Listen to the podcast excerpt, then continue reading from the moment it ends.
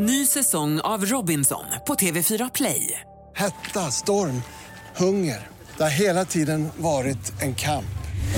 Nu är det blod och tårar. Fan händer just nu. Det. är Detta är inte okej. Robinson 2024, nu fucking kör vi! Streama söndag på TV4 Play.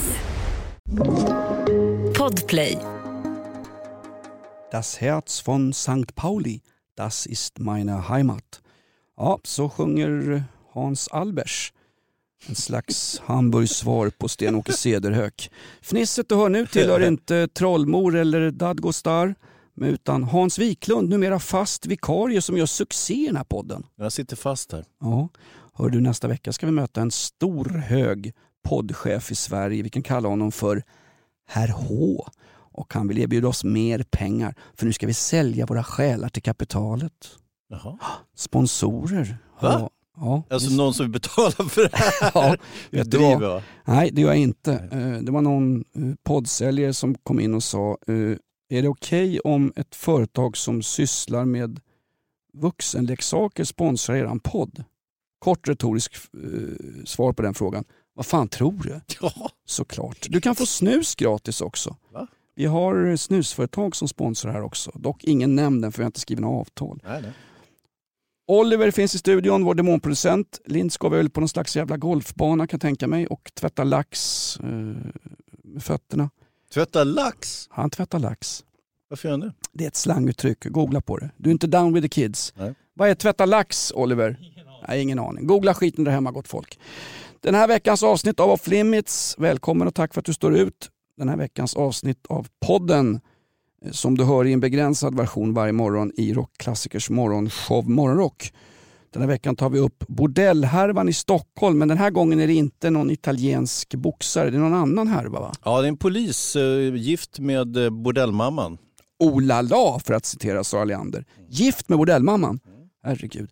Dessutom ska vi gå på vänsterns partikongress, en sju timmar lång underhållningsföreställning direktsänd i Sveriges Television. Och sen ska vi gå igenom Turkiets moderna historia. Vi kommer inte kunna ta upp valvakan i USA Hans, därför att den börjar ju nu när vi spelar in. I talande stund. I talande stund, när det här pressläggs har vi ingen uppgift om hur många poströster Postnord har fuskat undan så att Joe Biden skulle vinna det där valet. Dessutom en hommage till Jan Myrdal. Jan Myrdal gick ur tiden, denna rabulist och toksocialist. Han berättar själv om sitt ganska otvungna förhållande till andra människor. Vi har haft många gräl dessförinnan. Ett av avgörande grälen mot slutet det var att han jagade mig runt ett stort runt bord. Men det slutade med att jag tog upp en stol och sa ett steg till gubbjävel och jag slår in skallen på dig. Ett steg till, nu börjar Off Limits. Välkommen!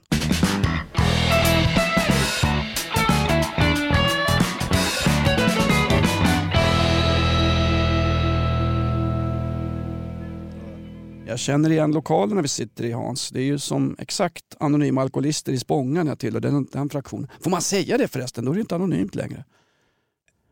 Um, nej, du ska inte fråga mig. Jag aldrig varit där. Ah, den där var klurig. Det är som när någon journalist frågade kungen, slår du fortfarande din fru? Vad svarar man på en sån fråga? Ja eller nej? Den är jättesvår. Mm. Underbart svar. Eller har du någonsin varit på strippklubb? nej. Nej. Nej, jag tror faktiskt inte. Om man aldrig har varit på strippklubb och får frågan om man någon gång har varit på strippklubb, nog fan kommer man ihåg det? Ja, det gör man ju. Jag kommer ihåg mina första i Polen. Det är pröskat nu. Nej, det är Det är inte det. det. Vet du vad, jag har Kan du fortfarande bli, åka på det? jag, nej det kan jag inte, men jag sitter inne med så mycket skit. Eh, VM-kvalet till VM 1990 i Italien var jag nere med Olkaresor eller Hulkaresor, lång bussresa. Jag kan inte nämna folk som var med, det var ju folk som jobbar idag inom media och annat skit som du och jag. Hans, jag vill poängtera att du var inte med. Det är några som sitter inne också kanske. Nej, Men på, på en sån här klubb då där vi fick muta oss in via några äckliga somos snutar som då råkar vara civila för kvällen. Där dyker det upp då svenska landslagsprofiler på kvällen. Inte okej. Det här är långt före metoo. Cissi Wallin var ju inte ens född och Virtanen hade inte ens gått på apoteket och köpt knockoutdroppar. Men det, var, ju- det är ju rätt allvarligt. Jag sitter ju inne med mycket skit Hans. Ja, det gör du. Jag har en grej på dig. Du känner ju Dolph Lundgren och varit hemma hos honom. Berätta vad han hade. Det är en fantastisk grej. Dolph har en förkärlek för stormaktstiden. Vem har inte det? Så är det ju lite grann. Men han kan ju också leva ut den. Han, du har ju inte medel att leva stormaktsliv. Ja, jag går ju runt nej. som en träl i sent 1600-tal. Exakt, Det du är körde jag. trälen ja. Men, men Dolph han kan ju köra riddare och kung. Han har ju alltså en gigantisk riddarrustning med lans och hela skiten. Alltså en sån där som är två och en halv meter hög. Som stod precis när man kom in i hallen. Och sen slutade det inte med det utan han hade ju olika liksom framstående krigsmotiv. Stora oljemålningar som prydde väggarna med, med krigsscener med liksom huvuden som föll av. Och jag vet inte om, de, om, det, om det var liksom äkta konst eller om det var någon form av konstiga replikor. För jag tyckte de var för explicita för att faktiskt tillhöra stormaktstiden. Jag säger som konstnären Peter Dahl ofta citerad i den här podden. Det finns ingen äkta konst. All konst är ju faktiskt på låtsas per definition. Nu kommer säkert Ernst Billgren höra av sig men eh, jag står för de orden. Jag faktiskt. tror, jag tror Ernst kan skriva under på det också. Verkligen. Hörru du, vi kan väl säga också och poängtera, vi får ju absolut inte vara journalister här, men eh, när vi spelar in det här så börjar den amerikanska presidentvalsvalvakan i full gång.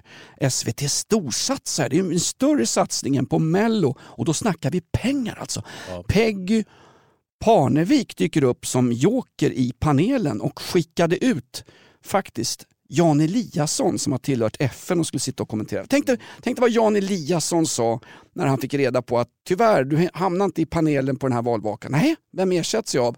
Peggy Parnevik. Ja. Vem fan är det? Bosses barnbarn. ja. Eller Jespers barn. Jespers barn. Alltså en hyfsat framstående golfare. Absolut, och jag tycker det är kul med någon slags nytänk. Eh, Gud förbjuder nu att de tar bort Göran Greider för han vill jag alltid ha i en objektiv panel i SVT. Jag vill Nej. alltid ha Göran Greider. Han satt ju och orerade på allhelgona här om någon anhörig som hade försvunnit. Ja. Nej men tänk om de tar bort Göran Greider och er- ersätter med Jocke och Jonna till exempel. Jockiboi och Jonna Ja. som jagar spöken på kanal 5. Borde inte kanal 5 jaga tittare istället? Hörru? De har också en valvaka Ja. med Piff och Puff på tjack. Men det är, alltså, Filip och Fredrik har ju följt eh, eh, uppladdningen väldigt nogsamt. De har ju haft en podd faktiskt en, eh, vet inte, på, på veckobasis eller daglig basis eh, i flera veckor. Och de är ju väldigt intresserade av Ja. amerikansk politik så den, den tror jag kan vara vederhäftig. Absolut, och de har rätt jag kan inte bedöma vad som är rätt och fel, det kan jag inte ens göra när jag går till gynekologen. Men faktum är att de har ju också de har ju lusten till det på något sätt. Jag kan tänka mig att SVT har en hel del i den där panelen som hellre vill lägga hemma och knoppa och, och, och för att citera, jobba hemifrån när man går runt i mysbyxor, pruttar och käkar popcorn. Ja. Men Filip och Fredrik, de, de brinner ju för det här. Filip Hammar, han är ju galet eh, Ja, han är anti-Trump såklart, han jobbar inom media. Men han är också galet, han är vad heter amerikofon eller vad heter det? Ja, alltså vad heter det? Men, men det Inte indian. Nej, det får man inte säga längre. Eh, och, och Filip är ju dessutom inte urinvånare. Han är från en annan sida av Köping va? Är han från Köping karljäveln? Ja. Ja. Jag kände ett skinnhuvud en gång från Köping. Ja. Det, men det är en annan historia. Ja. ja. Hörru du, vi har ju lite gagballs idag. Ja. Eh, har vi några vi har väl några att minnas. Eh, du får börja Hans. Ska jag börja? Ja, därför att jag har blandat ihop mina, jag har ju en anteckning här då. Du är så seriös i den här podden. Du sitter, du, du ju- sitter ju hemma och förbereder dig. I, igår fick jag ett satans sms. Kan jag ta upp det där med thai-snuten? Det är klart du kan. Ja. Eh, då, Vad var det för något? Ja, men för er som inte känner till det ärendet, det, det var ju en jäkla historia. Det var ju i den här, så om jag börjar lite från. Förr i världen så kallades den här sektionen för fittpolisen. Det kunde man ju såklart inte heta för det lät ju inte trevligt. Eh, den fick sedermera heta prostitutionsgruppen. Numera tror jag att den heter trafficking-sektionen eller trafficking-gruppen. Säger inte Sven Wollter i någon gammal polisfilm Snusket? Snusket ja. Snusket var också sån här vedertaget begrepp. precis. Snusket och fittpolisen. Men det var ju på den tiden som prostitution var olagligt i Sverige. Det man- har man ju sedermera slutat med. Nu är det fullt frankt och tillåtet att bedriva prostitution allt vad man orkar. Au! Så länge man inte sysslar med koppleriverksamhet och dessutom inköp av sexuella tjänster, det är också förbjudet. Så, det, det, så, så lagen är tydlig på det sättet. Ja, om du själv lyfter på påkarna då får du vara prostituerad. Men står du i dörren och tar pengarna av till exempel Paolo Roberto, då jäklar åker du dit enligt svensk lagstiftning. Ja. Ja. Eller om det är så att du tillhandahåller flickor från ett annat land. Det kan också vara pojkar eller transpersoner. Eller hbtq-communityn. Ja, eller hbtq-person. Allas lika värde. Här har ett gummiarmband från Dan Eliasson. Hörru. Tack snälla, men jag har redan ett. De trängs ihop på min arm. Jag ser, ut, jag ser ut som en sån här gammal afrikansk tavla där de har så här ringar på halsen så att huvudet ska bli högre upp. Fast min arm, min ena arm är två meter lång nu med, med sådana olika armband som jag fått från Dan Eliasson och olika liksom, aktivistgrupper. Bästa var väl i Malmö när de hade Sluta skjuta-kampanjen. Den finns fortfarande. Finns den fortfarande? Ja. Hur verksam är den tycker Sluta du? skjut, alltså den finns men den har inte haft några riktigt bra resultat hittills. tycker du inte? Nej, okej. Men vi återkommer till det också faktiskt. Operation rimrost också. Rim, förlåt mig, rimfrost ska det vara. Precis. Eh, nu är det så här, Färgsnuten. eh, med eh, Paolo Gate, det var ju själva öppningen på det här i våras som ni kommer ihåg nu när vi pratar om den här trafficking-gruppen. Eh, det var ett antal sexköpare som under stort pompa och stå togs av polisen. Det slutade med dagsböter och uthängning för de som var kända eller alternativt rikast nog eh, att kunna bespottas Men det- offentligt. Det var väl bara pastasåskungen som kom ut al dente? Ingen annan blev offentliggjord? Ja, det var några andra lite sådana här så kallade företagsledare. Det betyder att du har firma. Exakt. Kanske en anställd själv. Ja, du själv. Hanssons rör och meck, vi sponsrar Bajen sedan många år. Exakt. Ja.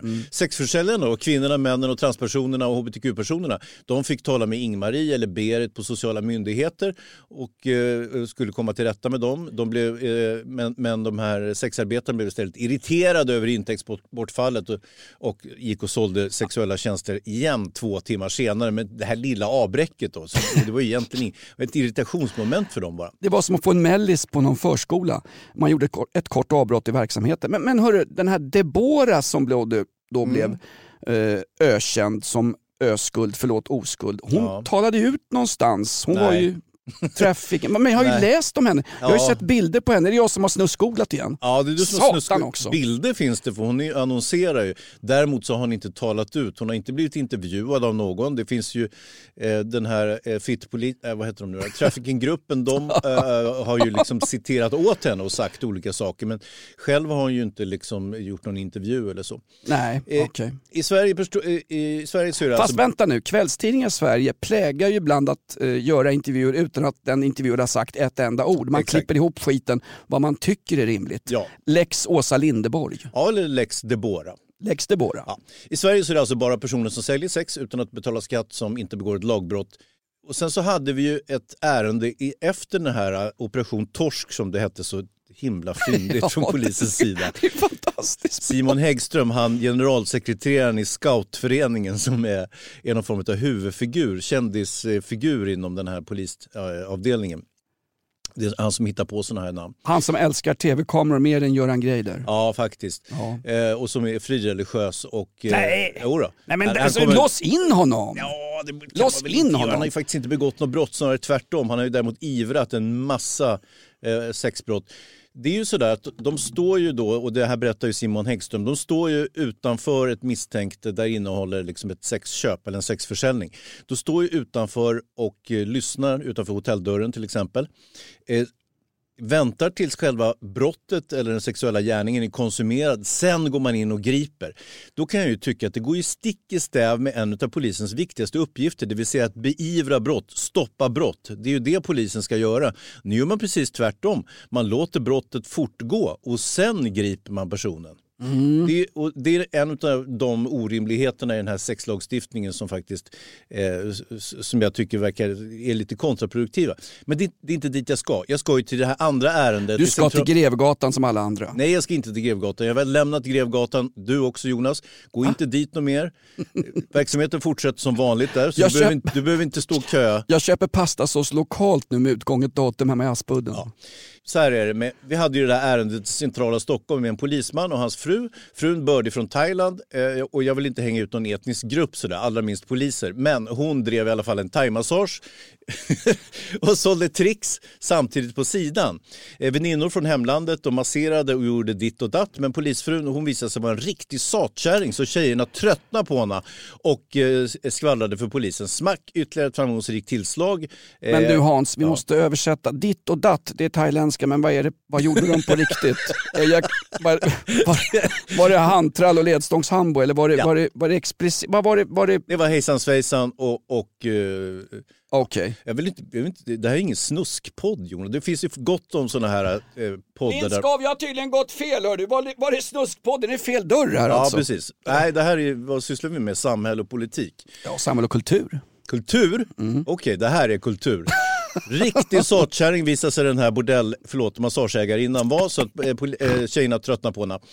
Smack! Ytterligare en framgångsrik tillslag av pojk och flickscouterna på trafficking-gruppen. Och herr och fru thaipolis de greps och så dömdes nu kvinnan till tre år i tingsrätten medan hennes man, polisen, ingripande polisen, friades. Eh, han åkte förvisso dit för han hade ammunition hemma och eh, han dopingtabletter också. Men De hade har- hittat trampminer i, under plankorna i vardagsrummet. Ja, men det har ju alla poliser har för fan lite ammunition och lite extra grejer om det skulle smälla. Det, det, alltså, jag vet inte en polis Alltså, som jag- inte har lite extra grejer hemma. Det är sant faktiskt. Eh, vi kan bara gå tillbaka till Kapten Klänning, Göran Lindberg. Han hade ju bara extra grejer hemma. Ja, det är sant. Verkligen. Men, var det inte dopningsbrott på honom också? Jo. För de hade ju varit, de hade haft verksamhet i Thailand först, Ja. den här polisen, och tagit skiten till Sverige. Och han är fortfarande då enligt tingsrättens dom helt ovetande om att hans fru eh, handjagar folk eh, mot betalning och håller för näsan samtidigt. Det känns ju lite märkligt för mig som lekman här alltså. Jag vet, jag vet, jag vet. Eh, Hur kan han bli frikänd? Låt mig börja med dopingbrottet. Då har han ju troligtvis köpt såna här eh, efedrintabletter på apoteket i Thailand och tagit med sig hem. Just det. Och, och det är ju ett ringa dopingbrott och det ska han ju inte få sparken för. Han får ju inte sparken heller. Han får ju fortsätta som ingripande polis, åtminstone än så länge. Det här blir ju hovrättsförhandling säkert också. Han får väl söka om tjänsten som polis. Där börjar väl, där kan väl någon i poliskåren åtminstone tänka lite PR. Kanske han inte ska jobba med polisfrågor. Nej, ja, nej. Eller visserligen har vi polisbrist, men sån jävla brist har vi väl Jo, inte? det, vi har ju det. Alltså är det så illa? Så enkelt är Nu det. jag vill bli snut och banka på huliganer med Ja. batonger i fotbollsderbyn i sådana Ja, fall. nej, vad skulle dina kompisar säga då? Det är ju de som är huliganer. De är inlåsta. Hur som helst så kan man ju tycka så här, men han måste ju känna till. En kvinna kan väl inte vara så företagsam så hon gör saker som är olagliga utan att hennes man, ägare, eh, vet vad hon gör för någonting. Han skötte väl dessutom bokföringen tror jag. Ja, det, Den ja. lilla som fanns. Ja, men vilken ingripande polis är skickad att, sköta bokföring? Du hör ju att det är helt orimligt. I gamla baseballligan fanns det till och med poliser som hade den unika förmågan för en polisman att kunna fylla i tipskuponger på ett korrekt sätt. Va? Och även V75-bångar kunde man fylla i. Det var i stort sett det man gjorde innan man slog ihjäl hemlösa på gator och torg. Precis. Äh, de, Baseballligan, frid över deras minne. Ja, men Jag de- saknar dem. Ja, det är den intellektuella klicken inom polisen. De blev ju sen eh, utredare då. Ja, exakt. Men, men hur som Och riksdagsmän. En av dem sitt, har suttit i riksdagen för Moderaterna. Han har ett baltiskt namn som är förhindrad av legala skäl att nämna här. På riktigt, googla skiten där hemma Hans Wiklund. Ivo Gräns. Utan gräns. Inte Ivo Gräns, han, är, han var ju reporter på tv. Ingen skugga över honom. Skitsamma. Men, Vad du? ja, men är det inte ändå typiskt att vi måste sitta liksom så här, ja men hur kan en kvinna vara så företagsam?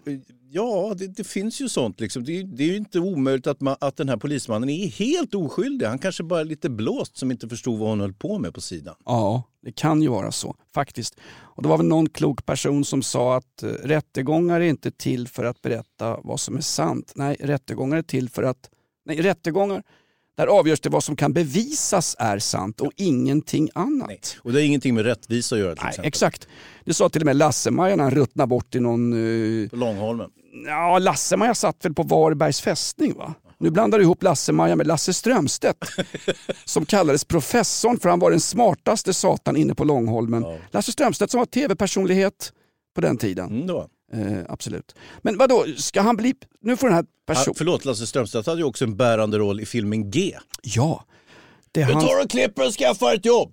Och min moral, det är jävligt hård ska du veta. Ja, min moral, det är en väldigt gammal moral. Han läxar väl upp, är det Niklas Wahlgren? Ja, visst numera, förstår du. numera är han ju som du och jag, misslyckad reklamradiopajas. Ja, det- jag När tror inte det inga andra jobb står, att, står till buds tar man ett sånt jobb. Det sa ju den sista bölden i Stockholm, Axel Linder. Va? Var det Axel Linder verkligen? Vad hette han sista böden? Go, eh, Jag vet, jag ska ju kunna det här Jonas. nej, Den sista bönen, jag, Går det jag, här att klippa bort? nej Är det absolut. direktsänt? Nej, det här, det här, den här podden är unik Hans. Här kan du inte, inga räddningsplankor som när du gjorde, ett filmprogram med Nils Petter Sundgren. Ja. Vet du. Och ni gav fem Dole-Eriks till fäbodjäntan. Här är allt med. Ja. Den sista, Jag har ju sagt så mycket konstigt idag Jonas. vet du vad? Jag är full. kan jag räkna bort? Kan... Det det en sa- förmildrande omständighet? Det sa vi när Jakob gick in i väggen och inte ville figurera i det här sammanhanget längre. Du, Hans, han är ju fan nykter när han kom. Ge han ett par rejäla stänkare så kommer han igång. Ja, han är två gin tonics under par. ja. Ja, här, och det här på morgonen också. Ja. Nej, det är inte på morgonen. Vi vill poängtera att vi vid denna, press, upp- vid denna upplagas pressläge inte vet om utgången i valet i USA, Hans. Hur ofta kommer du att säga det? Nej, men jag tycker det är så skönt, det känns så satans tungt publicistiskt. Jag känner mig som Wolodarski, Mm. DNs chefredaktör som nu släpper in Greta Jag har Thun... lust att slå dig på käften. ja, exakt. Inte Wolodarski, men dig Jonas. Ja, absolut. Det, det, är så jag, det, det är så människor bemöter mig. Hans, är dom, kan, kan den här domen överklagas av det allmänna? Inte av det allmänna, men det, mycket talar för att eh, om jag vore åklagare så skulle jag ju överklaga till hovrätten så får man se eh, vad det landar i. För de vill ju sätta dit polisen givetvis, de borde ju åtminstone få någon sparken. Men vi behöver varenda polis vi kan få. Så låt dem vara i fred nu med sina han- landminer och ammunition och dopingtabletter. Det här är ett betalt samarbete med Villa Fönster. Du behöver lite mer tryck nu Jonas. Tryck! Villa Fönstersnack med Linnea Bali. Villa, villa, fönster, fönster, fönster med Bali, Bali, Bali. Jonas, nu tänker jag lära dig lite om Villa Fönster. Lär mig baby. Villa Fönster är en rikstäckande leverantör av fönster och dörrar till dig som konsument och byggföretag. Och vet du vad Jonas? Vadå? Jag har en spaning. Ja. Det som gör dem så unika är att de har Sveriges bästa leveranstid. Ja, det går undan har jag hört va? Ja, det gör det. För man tänker kanske som konsument här, åh nej, det här kommer ta så lång tid. Men inom tre veckor alltså så har du ett svenskt nyproducerat fönster som är redo för omgående avhämtning eller leverans. Oj, oj, oj, inom tre veckor. Är det inte så också, jag har hört ryktena, de har Sveriges största fönsterlager va? Ja, med 500 olika varianter av fönster. Och eftersom de allra flesta av oss vill ha olika storlekar på fönster så kan Villa Fönster dessutom göra anpassningar såsom spröjs, spaltventil med mera. Oj, oj, oj Linnea, du övertygar här. Du vet inte vad en persedel är för någonting, men spröjs och spaltventiler. Här har jag nästan läst på universitetet om det här. Ja, och är det någon som har koll så är det Villa Fönster. Historisk referens här. Har du? Ja, alltid. Ända sedan 2008 så har Villa Fönster alltid haft visionen att erbjuda kvalitetsprodukter till rätt pris och kortast möjliga leveranstid. Ja, jag är nöjd Men vadå? med vårt Villa Fönstersnack. Villa Fönstersnack med Linnea Bali. Villa, villa, fönster, fönster, fönster med Bali, Bali, Bali. Tack Villa Fönster. Ny säsong av Robinson på TV4 Play. Hetta, storm, hunger. Det har hela tiden varit en kamp. Nu är det blod och tårar. liksom. Fan händer just det. Det är detta inte okej. Robinson 2024, nu fucking kör vi! Streama söndag på TV4 Play. Ett poddtips från Podplay. I fallen jag aldrig glömmer djupdyker Hasse Aro i arbetet bakom några av Sveriges mest uppseendeväckande brottsutredningar. Går vi in med hemlig telefonavlyssning och, och då upplever vi att vi får en total förändring av hans beteende. Vad är det som händer nu? Vem är det som läcker? Och så säger han att jag är kriminell, jag har varit kriminell i hela mitt liv men att mörda ett barn, där går min gräns. Nya säsongen av Fallen jag aldrig glömmer på Podplay.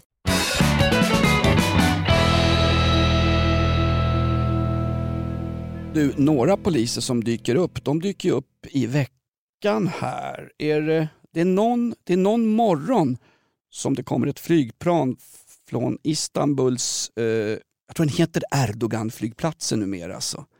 Nej, heter Atatürk heter den väl fortfarande. Han, kan, han kan inte ha tagit bort Atatürk. Kan han inte? Nej men Atatürk är ju inte? Turkiets grundare. Det finns ju gränser för hans storhetsvansinne den här Ja. jäkla Erdogan. Du säger att eh, Atatürk är Turkiets grundare. Nu, nu kränker du de turkar som via Erdogan tillber det gamla ottomanska riket. Han är ju bortom Atatürk, va? det moderna Turkiets grundare. Erdogan tittar ännu längre tillbaks. Han tittar så långt tillbaks så Dolph Lundgrens gamla medeltidsrustning den känns modern och up to date jämfört med hur han tittar tillbaks. Han är ju inte islamist, han må, må vara det i svenska kvällstidningar. Han är mer en turkisk ultranationalist. Alltså, och då tänker vi inte Atatürk som ville, han vill ju västorientera hela Turkiet. Men, men Erdogan är på ett annat sätt. Ja. Är det större alltså, tidsperiodskillnad mellan Ottomanska riket och Atatürks eh, än mellan Dolph Lundgren och hans nya flickvän? ja, hört. Dolph Lundgren. Alltså det är fantastiskt. Hon är, hans nya tjej som han ska ha barn med, hon är ett år yngre än hans, än hans äldsta dotter. Det är ju värre när Arne Weise eh, fick barn på sin 95-årsdag och sen bara stängde kistlocket. Tack för mig Arne Weise, ni får lösa någon annan skithög på julafton. Du, du, eh, det är ingenting om att Dolph ska ha barn, de ska gifta sig. Om jag vore du skulle jag vara lite försiktig med vad jag säger om Dolph. Han, han är inte alltid på solskenshumör och när han inte är det så kan han vara ganska jobbig att tas med. Jag träffade honom under eh, lokalradiotiden och hans agent ville ha 20 000 kronor för en intervju. För den var inte relaterad till något filmkontrakt. Sen bad faktiskt, Dolph är en bra kille, du känner ju honom. Ja, ja, visst. Vad gjorde du hemma hos honom förresten? Nej, vi var... Hade ni rustningsrollspel du och han? Nej, vi var grejen är att våra döttrar är, hans yngsta dotter, dotter och min dotter är lika gamla. Så, och föddes ungefär samtidigt. Så att vi, vi var där och hängde en del när barnen var små. Underbart. Du, vi snackade om Erdogan och vi snackade om flygplatsen, Atatürk flygplatsen. Den kommer ju aldrig heta uh, Gulan-flygplatsen i alla fall. Han jagar ju, han hittar ju på alla som han inte gillar. Det är tiotusentals lärare i Turkiet kallar han för ah, med, medlem i Gulan-rörelsen, hörru, min gamla kompis. Dig låser vi fan in också. Nej men... Ja, fan. Där kom det en covid-pastej flygande hörru. Jäklar, den la sig på Hörru, bordet Jonas. Klipp av min bh så får du två, så får du två munskydd grabben. Jag ber om ursäkt hör du. Jag Kan tar- du berätta om den här flygresan som nu ska företas från Turkiet till Sverige? Vem sitter i flygplanet? Berätta. Jo, där sitter de, de omtalade Isis-kvinnorna som har flytt ifrån det kurdiska flyktinglägret Al-Hol i nordöstra Syrien. Nu kommer de hem. IS-kvinnorna i varenda kvällstidning. Vad heter Och de? Ingmarie? Berit? En hette Lisa som ett sånt där låtsasnamn i kvällstidningen. Det är ungefär lika snyggt som när SVT Aktuellt skulle prata om gängproblematik i något Agenda och någon kallar någon gängmedlem för Hassan. Då avgick den där Katomeris. Han tyckte det var för känsligt. Ja. Han borde heta Hasse istället. Han borde ha hetat Calimero den där Katomeris. Hasse heter ingen numera. Jag heter det. Nej, du heter Hans. De som kallar dig H-ordet på krogen får ju en smäll på käften. Jo, jo, men det är inte för att de kallar det är för att det är dåligt ölsinne. Nej, därför att du har ett gravt bildningskomplex. Du vill verka överklass fast du är en härlig kille från Bagis. ja, det, är där, ja, ja. det är därför jag gillar dig. Du är en dubbelnatur, du är en Torsten Flink utan eh, Novalucol. Gillar du mig? Jag gillar det jättemycket. Berätta mer om de här IS-kvinnorna. Så är det. De landar alltså på Landvetters flygplats och på plats då, Hallå grabbar! exakt, det är eh, fyra svenska kvinnor och nio barn. På plats när de landar då på Landvetter så finns Säpo, Migrationsverket, socialtjänsten i Göteborgs kommun, polisen, sjukvårdsgruppen från Salgrenska, alltså okej, någon sjuksyrra. Och dessutom katastrofmedicinenheten. Ja. Kort viktig fråga. Var var alla de här samhälleliga instanserna, dessa uppbyggliga organisationer, när skithögarna åkte ner för att plåga yazidier och jaga skiten ur irakiska hyggliga medborgare? Var var de då? Var var ni då? Var var ni när Stuart Baxter vann guldmedaljet? Var var de då? Jo, jo, jo, jag hör vad du säger Jonas. Det är två synpunkter här. Ja. Dels hur ska alla de här instanserna och eh, myndigheterna kunna hålla socialt avstånd när de är så många på en flygplats. Det är det första. Det andra är ju att på den tiden så var det ju, och det här var inte så många år sedan, då var det ju fritt och frankt att åka på terrorresa. Det var ju en rättighet mer eller mindre som skulle exekveras. Och allt annat, om man ansåg att de inte fick åka, det var ju fördomsfullt eller rasistiskt eller vad det nu kunde vara för någonting. Så att på den tiden så var det fritt och frankt att åka, så att det var ju lite annorlunda. Kunde inte Ali För fem år sedan. Exakt. Kunde inte Ali Khan-familjen i Angered satt upp någon slags vägspärr vid flygplatsen när de här människorna gav sig av? Jag förstår att det är svårt för samhället att kolla med alla instanser men nu, nu sätts alla resurser in och nu ska det väckas åtal. De här kvinnorna, om de har gjort något brottsligt, kommer inte komma undan. Hans, du är ju krimreporter. Ja. Visst kommer de komma undan?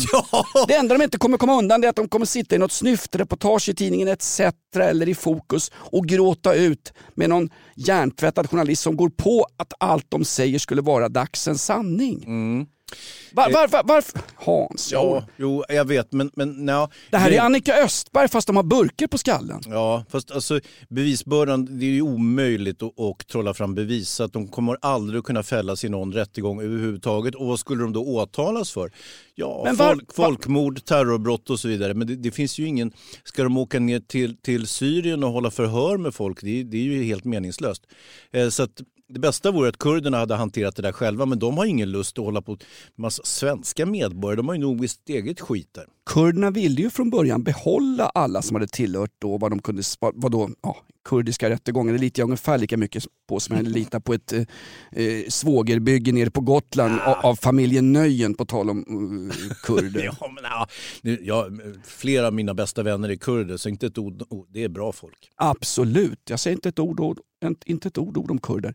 De sa ju till och med faktiskt, vi tänker behålla alla IS-krigare här nere därför att när de kommer hem till era västerländer, Belgien, Schweiz, Sverige, Storbritannien, då släpper ni dem ju bara för ni kan inte bevisa någonting i en rättegång. Kurderna hade inte haft något problem att behålla dem i Al-Hol. Som kurderna själva säger, det är ett satans såll. 15 000 dollar kostar att, att fly ut ur det här lägret. Det är klart att det är vakter som står där som inte har en spänn som tar emot de pengarna och låter dem passera ut. Det är, väl, är, det, är det 66 000 pers tror jag i det där, om det är 60-70 000 pers som sitter i ett enda flyktingläger. Och, och, om du säger så här, ska vi ta hem dem och bla bla bla, det går inte att fälla med det. Men varför sitter UD då med en timlön på 6-7 tusen spänn i timmen och förhandlar med kurderna om att få hem de här människorna? Jag förstår, barnen, fine. Oms, vad heter det, oros... Vad, vad, vad, vad, vad, Ja, orosanmälan. Exakt, det som min exfru skickade på mig när det. var stökigt under vår skilsmässa. Att socialtjänsten omhändertar de här barnen tycker jag är det mest rimliga. Är det bara jag eller? Hej, ja min mamma tog med mig till nordöstra Syrien för att ingå i ett, vad FN har sagt, ett terrornätverk. Nu kommer vi hem. Är det inte mer än rätt att det samhälle, det vill säga du och jag, behöver du en fadder Hans? Här finns det tillgång. Vet du. Hon, vad hette snurrmormor som kom hem? Vad hette han? Skråmo. Skråmo. Mormor kommer hem. Ja, här är Skråmos barn. Kan ni ta hand om dem tack? Eh, ja, var är Skråmo då? Han är död. Jaha? Ingen har bevisat att Skråmo, Mikael Skråmo är död överhuvudtaget. Men det, är, heter det, de konspirationerna nu? det, det är ju bara hörsägen. Ja, men tror att han har lämnat sina barn vind för våg, då kan han ju åka dit utav helvete om han dyker upp i Sverige. Han har inte lämnat sina barn vind för våg. Han vet att hans liv är kört. Isis är kört, utom i diverse svenska förorter, där lever de för fullt. Han däremot vet, jag kan ge mina sex barn en bra framtid. Jag skickar hem dem och spelar död. Det är inte speciellt svårt att spela död. Det gör väl hundra, hundratals människor inför Försäkringskassan varje månad. Jo, jo, jo, jo, jo visst, visst, visst. Men- hjälper men- av med den här foliehatten Hans. Ja, grejen är att nu är väl de här, nu är det ju tyst om skråmobarnen, det var ju några stycken barn där, de är ju utplacerade och så vidare så att vi får på något vis eh, hoppas och be till Gud, nej inte till Gud kanske, men att, att det går bra för dem, att de kommer eh, till fosterfamiljer där de, där de eh, kommer att trivas. Jag hoppas att det går bra för alla människor dygnet runt, utom möjligen Fredrik Virtanen och Nej, men, eh, vad har han gjort för ont? Ingenting. Nej, Absolut ingenting. Jag bara, jag bara följer Cissi Wallin på nätet. Jo, jo, Ska inte hon vara på plats där nere när IS-kvinnorna kommer hem? Det är väl det ultimata beviset för mäns våld mot kvinnor. IS. Där har du ju. Att inte hon är med Ja, förresten. fast det räknas inte. Varför inte? Nej, men det är inte, det är, nej. De, de, de är inte med på metoo-grejen överhuvudtaget, IS-kvinnorna. Nej, men Cissi Wallin har passerat metoo. Jaha. Herregud, det är något helt annat. Ja, ja, då så. Ja, men då kanske hon står där bredvid Mässingsorkestern och socialarbetarna och Säpo och militären och vilka det nu var som ska stå och trängas utan något som helst socialt avstånd eh, på Landvetter. Det var ju någon Jonas Trolle som jobbade för, vad var det, någon sån här centret mot våldsbejakande extremist bla bla bla. Han, vä- han gick ut i DN och sa, tro nu inte för ett ögonblick att de här kvinnorna undgår en rättslig prövning. Jo, det kan du ju säga herr Trolle, men faktum är, det är som du säger, det kommer inte hända någonting. De kommer få fri bostad, skyddad identitet förmodligen, så funkar det, och så kommer de leva sina liv i Sverige. Eller? Jag vet inte. Ja, ja. Tills, tills Ja, nästa tills, tills, de, tills de åker på nästa eh, terrorresa givetvis. Ja, eller exakt. Där sa du ju att det var en terrorresa. Ja, det är klart det var en terrorresa. Men, men som sagt, det var ju fritt och frankt att göra det för Jo. några år sedan i Sverige. Jo, jag Det vet. konstigt. Ja, absolut. Men i andra länder har man väl... Jag ska på språkutbytesresa. Ja, mm, terrorresa då. Ja, ja, visst. Exakt, exakt. Hörru du, en annan sak. Eh, Vi måste ju minnas här en person som ungefär som du Hans, åtminstone när du är lite grann på fyllan, eh, är lite av en rabulist. Jan Myrdal gick ur tiden här för någon vecka sedan. Ja, hemskt. Ja, faktiskt. Någonstans i konsensus-Sverige, eller som Knausgård säger, det här landet där alla har ett cyklop och alla ska tycka exakt lika om miljökampen, exakt lika om feminism och exakt lika om värdegrund och bla bla bla. Är det skönt med någon som vågar säga någonting annat? Han var ju en sån person. Ja. Och, och han var ju inte sämre än att han kunde ändra sig hela tiden också. Han, han sa ju någon gång att eh, alla sanningar är motsägelsefulla, därför kan jag byta åsikt. Han försvarade ju, han ville bevara DDR när muren föll. Ja, men Det ville ju inte ens Honecker. Jo, men det ville ju Lars Ohly också. Han grät ju när muren föll. Kommer du ihåg det? Han har inte varit så upprörd Lars-Olle som när han visar pungen av misstag på Instagram i samband med någon Djurgårdsmatch. Var det. Ja, men han var opassande inte upprörd tycker jag. Han tyckte väl det där var helt okej. Ja, jag har faktiskt Djurgårdskompisar som var på någon träningsmatch på Stadshagen för några år sedan när Lars Ohly då hade avgått som Vänsterpartiets eh, partiledare och då tjafsa med SJ om att han absolut inte vill börja- jobba som konduktör igen. Det är ju så satans tråkigt att vara konduktör på SJ. Nej, han ville vara ordförande för Rädda Barn och sånt där sökte Ja, det. Något sånt. Och då var det någon person då tidig vårsäsong som skrek och tjoade rejält på arslet. Det var ju Lars Ohly som stod bland ganska tunga Djurgårdsfans alltså. Där har jag ögonvittnen på. Ja. Fast, fast Djurgården har ju tradition. Vi har ju också kanske den värsta eh, busen Vi? av alla. Ja, vi i Djurgården. Terror-Tommy. Ja, nej, inte Terror-Tommy. Ulf Adelsson. Alltså maken till oförskämdheter som han står och skriker på, från läktarplats. Jag gillar ju Ulf Adelsson, han det är ju en kul prick så att säga, men han, det, är ju, en- det är ju en huligan. Ja, men vem minns inte hans eh, fantastiska mediala bråk med en gammal Djurgårdsmålvakt som hette Padembo Turay. När Adelsson sa efter någon förlust där mot AIK, jag vet inte om det var mot AIK, men troligen var det väl så när Djurgårdsspöket härjar för fullt influget från Canterville tillsammans med några IS-kvinnor. Då sa ju Adelsson en jäkla dålig målvakt vi har och Padembo tog ju inte det där. Nej. Det är inte mitt fel att han släpper in tre, fyra mål. Det var det året Djurgården tror jag, åkte ner till Superettan. Ja, och sen något år senare så vinner Djurgården SM-guld. Padembo slår in en straff själv när vi vinner med 6-0 i sista omgången mot Elfsborg. Och då, då har han en hälsning till Ulf Adelsson för Padembo hade inte glömt det här. Nej. Liksom. Padembo var en jä- var en jäkla spektakulär målvakt. Han blandade och gav lite Ja. grann, men fan vad bra han var. Det- och bra kille också. Det måste man kunna erkänna. En Mycket bättre än Adelsson. ja, ja, I mål i alla fall.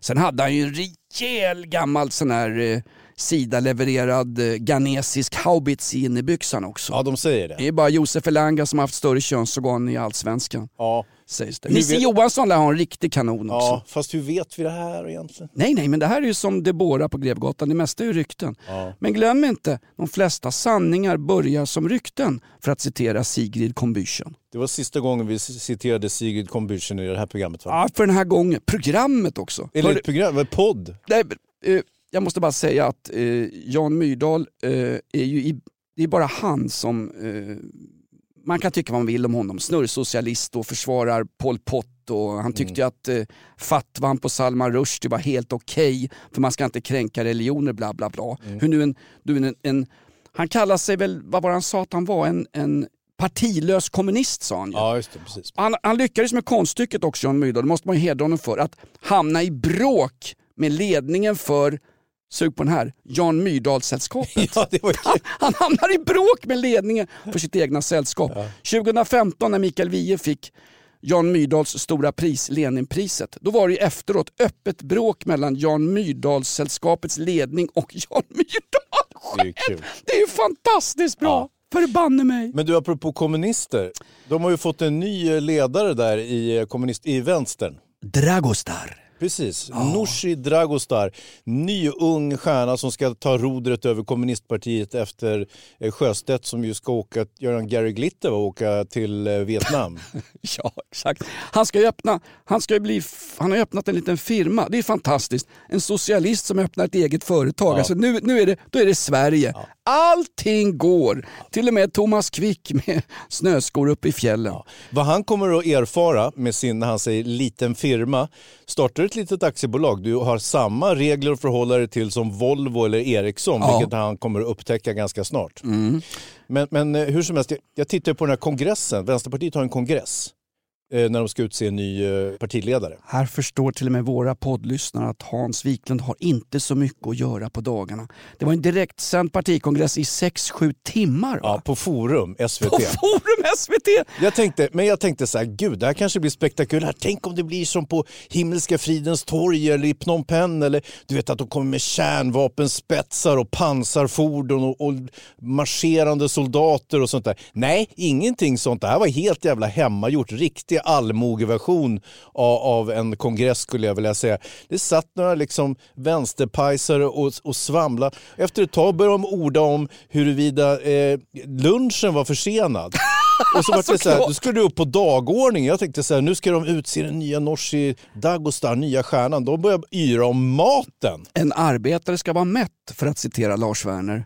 Men vad tror du om Dragostar? Kan hon lyfta, eh, eller vänta nu, vänta nu. Kan hon, kan hon behålla Vänsterpartiets helt otroliga... Ja, framgångssaga får man väl Ja, säga. det är lätt att inte sitta i regering. Fråga Miljöpartiet. Liksom. Gustaf Frigolit, han fick ju avgång, han fick ju sälja sitt gamla träruckel i Rissne och jobbar idag som skollärare åt SFI. Oj då. Ja visst, han får Vad undervisar han i för språk? Eh, vardagsarabiska. Ja, då så. Så att du klarar dig på bibliotek i Sverige. Ja, perfekt. Men en, ja, jag vet inte. Alltså, det, det, det är ju en tung post. Eh, Två tunga poster har hon. Åh, Jonas, det där, dit behöver vi faktiskt inte gå. Även Hon- om jag vet exakt vad du menar. Vad menar jag? Det är att kvinnor blir lite ymnigare när de är gravida. Och det där råkade synas i riksdagen och det är det du har liksom snöat in på. Snöat in. Hon dök upp i riksdagen utan bh. Jo, och det var inte bara... amma och så vidare. Det är förbanne med så- enda gången som inte någon har somnat i den där plenisalen. Hon har dessutom, kanske hon hade bränt den här jävla bhn, vad vet jag. Hur som helst. Jag, eh, nej, det här är svårt. Sjöstedt han kunde ju hålla falangisterna och dårarna på avstånd lite grann. Men det tror jag inte hon kommer att ha. Hon är inte lika tung förstår du, så att hon kommer att kunna liksom nästla sig in igen. Jag, jag vet inte, dessutom hörde jag en intervju med henne och jag vill verkligen inte tala illa om henne. Hon verkar vara en förtjusande person, men framstod lite grann som en idiot faktiskt. Hör du, eh, definiera förtjusande person. Hon är extremt klädd i näbben eller hon är slagfärdig. Ja, ja. Hon är, och det måste kännas jobbigt för Nyamko Sabuni att det kommer in en tjej rakt in från en slags bostadstjafs i Göteborg via HSB. Går rakt in och är mer medial på exakt 30 minuter än vad Nyamko Sabuni inte ens kommer vara när hon går i folkpension vid 65 års ålder. Nej, Förlåt haft- mig. Nej, men hon har haft det motigt. Förlåt mig, hon har ju lytt Reinfeldt tidigare. Vid 75 års ålder går väl hon i folkpension. Vi ska jobba tills vi är 75 i det här landet. Det kan ju du göra. Jag vill inte jobba, jag vill ha en 75 det är så det är. Hörru du Jan Myrdal, vad sa du? Skulle Jan Myrdal ta över vänstern eller vad sa du för något? Nej, nej, nej, utan det var, nu, nu halkade jag vidare till den där roliga kongressen som kommunisterna hade. Men, men superkommunisten Jan Myrdal, han är ju framliden, han gick ju ur tiden här, det var jättetråkigt. Just det. Jan Myrdal som också har lyckats med, det måste man ge honom faktiskt, lyckats med konststycket att i anrika och mycket fina söndagsintervjun i Sveriges Radio som min AIK-broder Martin Wiklin håller i. Han är den enda som där de har gått in och brutit honom under pågående intervju och sagt snälla Jan, ja förlåt, du måste försöka svara på frågorna som Martin ställer. Han sitter och pratar om något helt annat. Och då säger, då säger Jan Myrdal, och där har de klippt med, så det finns ju med i, kan faktiskt rekommendera, söndagsintervjun, Sveriges Radio. Lyssna på den intervjun med Jan Myrdal. När hon går in och säger du måste försöka svara på hans frågor. Då säger Jan Myrdal, ett, han undrar vem fan det är som kommer in och stör. Då säger han, men jag svarar ju på hans frågor. På mitt sätt. Ja. Helt fantastiskt. Ja. Men det kan också vara så att han inte hörde vad, vad Ja. Wiklin sa för någonting. Exakt. Eh, Både du och jag har kommit upp i den aktningsvärda åldern att vi inte längre kan vara Joe Bidens barnbarn utan vi är ju faktiskt vi är ju 50-plussare du och jag. Vi är ju Bidens bröder. Alltså inte politiskt. Nej, verkligen inte. Hörru du, eh, vi är ju faktiskt äldre än eh, John Ausonius, både du och jag. Nej, men jag, kan, jag har ett axplock här ur, Jan Myrdal när han berättar, han hade ett enormt tvunget förhållande till sina föräldrar. Alva och Jan Myrdal. Och eftersom det mest är sossepack som lyssnar på den här podden, berätta lite kort. Alva och Jan Myrdal, det är ju folkhemmets sociala konstruktörer. Ja, arkitekterna bakom folkhemmet brukar man säga. Vad det gällde liksom folkbildning och rashygien och alla möjliga konstiga saker som de hade för sig. De kallade ju folk för idioter och Alva Myrdal var en av dem, nu får sossarna säga vad de vill på kongressen, Göran Greider ring mig. Hon var ju faktiskt en av dem som förespråkade tvångssteriliseringen på 40 och 50-talet av sådana som du och jag, mindre begåvade. Och, och det, det ska man inte glömma. De, de är fruktansvärt elaka mot Jan Myrdal. Hans pappa Gunnar då, som är fortfarande hyllad inom socialdemokratin med all rätt. Han har säkert byggt något miljonprogram där det idag härskar eh, al-Shabaab-grupperingar. Men han, han plågar ju honom och han fortsätter att kränka Jan under hela livet. Bland annat på Jan Myrdals 40-årsdag. Då ställer sig pappan upp, tar ordet inför en stor församling på en mycket känd krog och så berättar han, här får Jan Myrdal själv berätta om vad hans pappa gjorde på Jan Myrdals 40-årsdag. Hela släkten är samlad. Och när jag skulle fylla 40 och, han, och de skulle bjuda mig, på, mig och Gun på, på krogen, eller någon krog där ute. Och så åker vi i taxi. Och så hade jag alltid så svårt med det. Men du har ju alltid haft för trång analöppning. Så. Så doktor Renck, jag minns när du är nyfödd, doktor Renck fick sticka in tummen och vrida runt för att öppna den. Och då blev Gun V- vem ställer sig upp och pratar om en tumme i en analöppning när födelsedagsbarnet var spädbarn? Det, så gör ju en, en sadist, en baggbölare, en plågoande. Skulle inte ens du göra Hans när jag fyller 60? Tyvärr så gjorde jag nog kanske det. Ja, det är så. Så vi var lite nyfiken på Dr. Renck också. Är det möjligtvis eh, Johan Renck, Stackabos pappa? Han var ju läkare. Men däremot så var han inte barnläkare vad jag minns. Kanske. Nej, men det här är ju ett sexuellt övergrepp som då Ja. familjen har suttit och tittat på när de utför det på ett spädbarn. Va? Ja, inte okej. hördu. vi, Nej. vi, vi, här går vi ner i moll. Kan du inte hänga upp Dagostars bh så får vi någonting att, någonting att glädjas åt på slutet här. Snuskgubbe. Va? Snuskgubbe, du hörde vad jag sa? Jan Myrdal. Kalla inte honom det. Kalla honom, vad var det han kallade sig själv för? Refraktär sa han. Han, fick, han hade ett frikort att byta åsikter om allting. Jag är refraktär. Ja, precis. Du har sagt si och så här Jan Myrdal. Jag är refraktär, jag har ändrat åsikt. Nej, han kommer att saknas oss och han kommer att saknas debatten. Ju, eh, han har inte varit så aktiv de senaste 20, 30, 40 åren om man ska vara helt ärlig. Han, han drog sig tillbaka. Han är ungefär lika bannlyst på kultursidor som Stig Larsson. Nej, inte millennie-Stig Larsson, utan den riktiga Stig Larsson.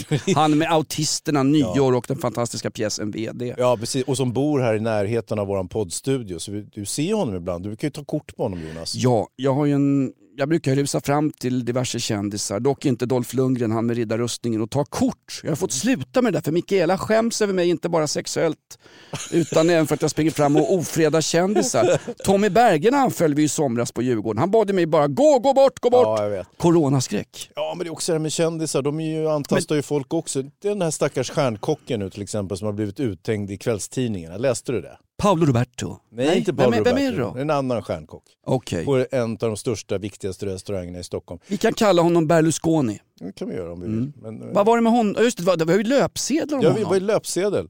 Nej, han har väl inte gjort något särskilt. Däremot så är det, eh, han, har han väl kört med hårda nyper och nu är det plötsligt en massa kvinnor som anser att han har sexuellt ofredat dem. Men det kanske han under har gjort. 20-30 års tid. Ja, då hade de väl anmält det åtminstone antingen till arbetsgivaren eller till polisen men inget sånt har ju skett utan man har nöjt sig med att anmäla till Aftonbladet. Va? Jo men, ja, är det mening att anmäla när nio av tio våldtäktsanmälningar bara läggs ner direkt när de skrivs ner på pappret? Nej, det, det har du ju förvisso rätt i. Men, men samtidigt så är det ju, några våldtäkter var det väl inte frågan om utan det var bara allmänt snuskigt beteende. Det sades, sades att den här stjärnkocken eh, hade en fäbless för kvinnobröst och att han gärna pressade in sitt ansikte mellan brösten. Hur är det ens möjligt? Tydligen på grund av hans längd. Oj! Ja. Snart har vi ett signalement på fanskapet också. Nej, men att, då tyckte de så här att, för han är ju precis i den höjden, han ser ju bara bröst.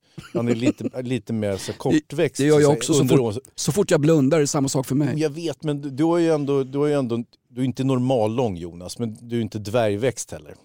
Nu, nu. Oliver, vår producent, han sa ett förbjudet ord. Så säger jag snart eh, Eskimo här. Vi briefar. Blipar? Nej, vi ska inte. Jäklar, det blir ett, kommer, ja, ni kommer bli lomhörda av att lyssna på den här podden. Ja, verkligen. Hörru, vi börjar gå in i mål eh, Hans. För när, när en producent skriker det här kommer vi blipa, då är det dags att... Alltså det, Då, då, då, ska man tänka, då ska man tänka, jag är en förhud, jag drar mig tillbaks. Mm. Hörru Hans, eh, du har fått en hälsning från Jakob Ökvist som jag ska hälsa till. vem?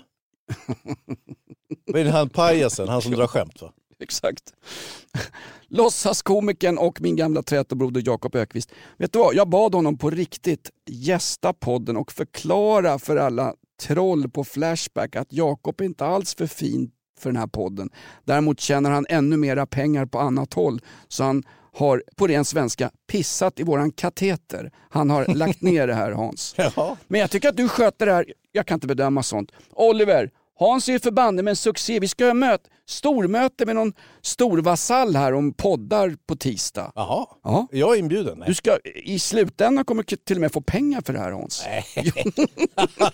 det, där kan, det där kan du försöka med någon annan. Så slipper du betala med en fruktkorg nästa gång du går till Grevgatan. Hörru Hans, nej, men jag, tycker det, jag tycker det är kul att sitta med Hans, han är, ju, han är ju mer störd än vad jag är. Jo, någonstans. Påläst tänker du? Ja, det är du. Du är förbannat påläst. Ja. Jag ska före till människobyn nu med detsamma. Ja, Men jag, också, jag har lite den där karaktären så att jag kan säga saker med emfas. Ungefär, vad heter den här polskan som var gift med Alex Schulman förut? Som, som eh, diskvalificerar den svenska epidemipolitiken.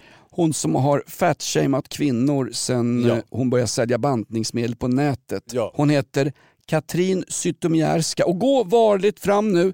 Jag känner henne, jag har kört morgonshow med henne i reklamradion. Jag vet att det inte är någon bedrift att göra det. Men hon blev ju till slut bannlyst från Oj. radioföretaget jag jobbade på, SBS radio. För hon, hon sket ju på precis alla mellan låtarna hela tiden utan någon som helst, ing, noll finess. Nej, och precis. Men, men hon har också den där egenskapen att hon kan prata och låta väldigt relevant trots att hon säger rena tokigheter. va? så att, eh, ja, det kanske inte var dit jag hade tänkt mig att komma men ja, nu, nu hamnade jag där i alla fall. Katrin Zytomierska är alltså ett kvinnligt svar på Jan Myrdal. Mm. Snackar en massa skit men ändå låter relevant i slutändan. Mm. Mm-mm. Nu tror jag att han kanske har lite högre bildningsnivå. Tvek på den hörru. Fol- alltså jag ska inte pissa på folkhögskolor men jag är benägen att göra Han har ingen som helst bildningsnivå. Han har däremot 50 000 böcker hemma i Varberg. Han har fler, på riktigt, fler böcker i sitt bibliotek, det är omtalat. Han har fler böcker i sitt bibliotek än vad Varbergs bibliotek har. Det är inte dåligt. Det är inte dåligt. Way to go. En sån gubbe ska man gå hem till och säga hej, har du läst alla de här? Jag har tre böcker hemma. Eh, En gammal bankbok, en kalanka pocket och Mein Kampf i originalöversättning. Där har du va. Oliver, vi bara skojar. Anmäl oss inte, blippa inte skiten. Tack för oss. Det här är Off Limits. Eh, Kommentera oss gärna på Flashback. Eller ring polisen. Ring polisen, IS-kvinnorna är på väg tillbaks. Snart kommer nya tv-serien, inte svenska Hollywoodfruar utan svenska Isis-fruar sänds live ifrån Angered och Biskopsgården. Hans, tack för en... Ja, vad fan är det här? Är det ett samtal eller vad är det? Agenda? Vad är det? Valvaka? Vad är det? Det är jag som ska tacka Jonas. Ett poddtips från Podplay. I fallen jag aldrig glömmer djupdyker Hasse Aro i arbetet bakom några av Sveriges mest uppseendeväckande brottsutredningar. Går vi in med hemlig telefonavlyssning och, och då upplever vi att vi får en total förändring av hans beteende. Vad är det som händer nu? Vem är det som läcker? Och så säger han att jag är kriminell, jag har varit kriminell i hela mitt liv men att mörda ett barn, där går min gräns. Nya säsongen av Fallen jag aldrig glömmer på Podplay.